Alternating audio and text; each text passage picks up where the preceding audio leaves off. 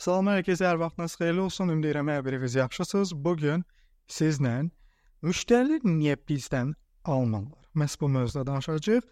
Qısa olmuş olsa da belə. Müştərilər niyə almırlar? Ümumiyyətlə müştərinin alış prosesində ən önəmli nüans nədir?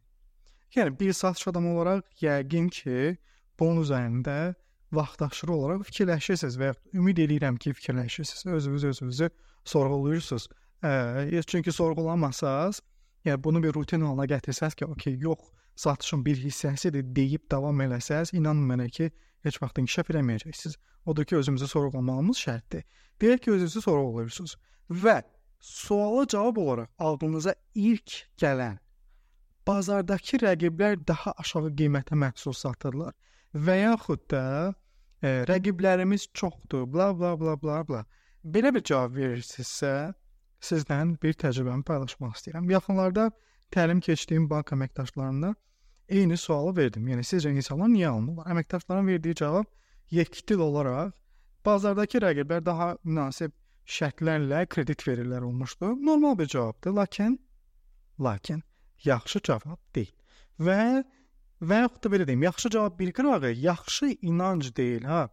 Yəni belə desəm daha uyğun olar. Çünki inanclarımız bizi hərəkətə gətirən mexanizmdir və mən satış adamı olaraq sata bilməməyimin səbəbini kənarda, rəqiblərdə, müştəridə, müştərinin ucuzluğunda, xarakterində axtarsam, bir mənalı şəkildə inkişaf eləməyəcəm. Qardaş, bu çox sadə bir şeydir. Burada gedib 125 dənə kitab oxumaq, Oxford-da Oxford gedib oxuyub bitirmək və ya da Cambridge-ə qəbul olmaq, Amerikada 25 il qalmağa ehtiyac yoxdur.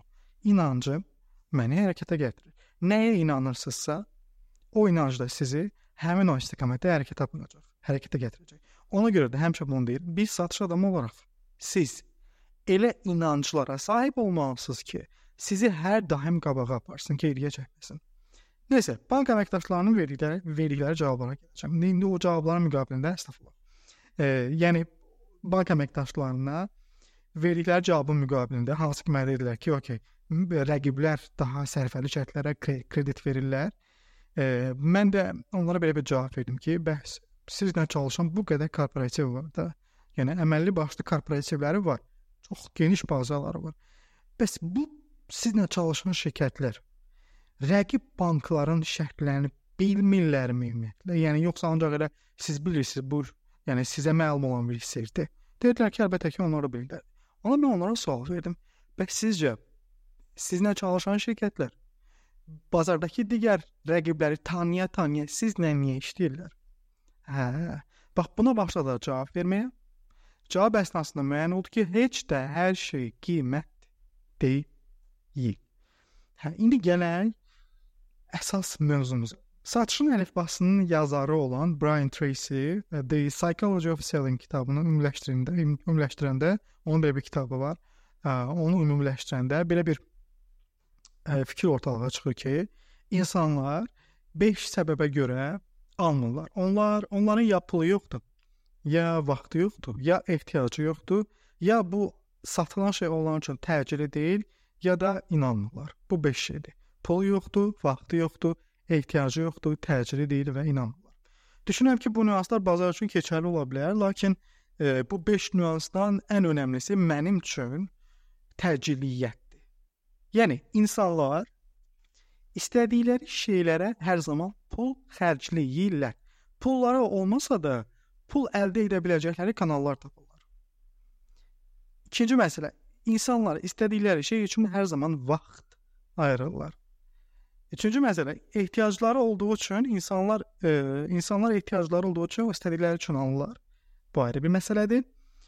Dördüncü məsələ isə özlərini insanlar özlərini rahat hiss etdikləri inandıqları yerlərdə 5 manat da olsa belə artıq pul xərcləməyə hazırdılar. İndi 5 manat burada şərti rəqəmdir, amma əlbəttə ki, bu çox fərqli aşağı ola bilər. İndi sözümün canından gəlirəm. Amma insanlar o təciliyyət hiss eləmədikləri təqdirdə bu mənim yerdə qeyd etdiyim bu əvvəl qeyd etdiyim 4 nüans ki var, Brian Amick qeyd edib insanların alış prosesində önəmli olan nüans. Təciliyyət yoxdursa, 4 o yerdə qalan 4 nüansın heç birini e, müştəri heç birini etməyə hazır olmayacaq. Və biz bir satış adamı olaraq insanlara niyə məhz indi almalı olduqlarını aşılamalıyıq. Bu çox əhəmiylidir. Əlbəttə ki, təciliyyət məsələsi də məhsula görə dəyişir. Bu özü, yəni bəzi məhsullar alış prosesi uzun çəkə bilər. Lakin niyə sizinlə əməkdaşlıq etməli dillərə kifayət qədər təciliyyət və səbəb yükləyəndə şirkətlərdə, korporativlərdə ən azından o həmin o proses ki var, uzun proses var. O yola sizdən çıxır. Yəni hətta məhsulun qiyməti də yuxarı olanda, proses uzun da çəksə, bunlar hardasa başlayırlar da o şirkətdə, elədimi? Amma sənlə niyə işləməlilər? Bununla bağlı bir təciliyyət aşılayanda insanlara onlar o prosesə sizdən başlayırlar. Ya bunlar çox əhəmiylidir. Təciliyyət yarada bilmək çox əhəmiylidir. Çünki insan bəzən görürsüz ki, mağazalarda o endirim kampaniyaları olur. Məsələn, 2 qiymət qoyurlar, 10 manat köhnə qiymətidir, amma üstünə xətt qoyublar. İndi endirimdən 3 manata verirlər və deyirlər ki, bu endirim cəmi ayın falan e, tak ayın 15-nə qədərdir. Hə insanlara qorxu aşılanır ki, okey 15-nə qədər aldım aldım, almasam 7-10 manat, 10 manata alacağam. Bu da qorxunun bir növüdür. Yəni o təcilliyyət yarananda insanlar vaxtı tapırlar, insanlar pulda tapırlar. İnsanlar yerə gələndə inanırlar da və yerə qalan bütün nüanslar da həll olur. Ümid edirəm tam olaraq fikrimi sizə izah eləyə bildiyim sizə üçün aydın oldu. Hər hansı bir sualınız olarsa mütləq və mütləq mənə Instagram üzərində yaza bilərsiniz. Odur ki, öz-özünüzü qoruyun. Çox sağ olun səbirlə dinlədiyiniz üçün. Hələlik.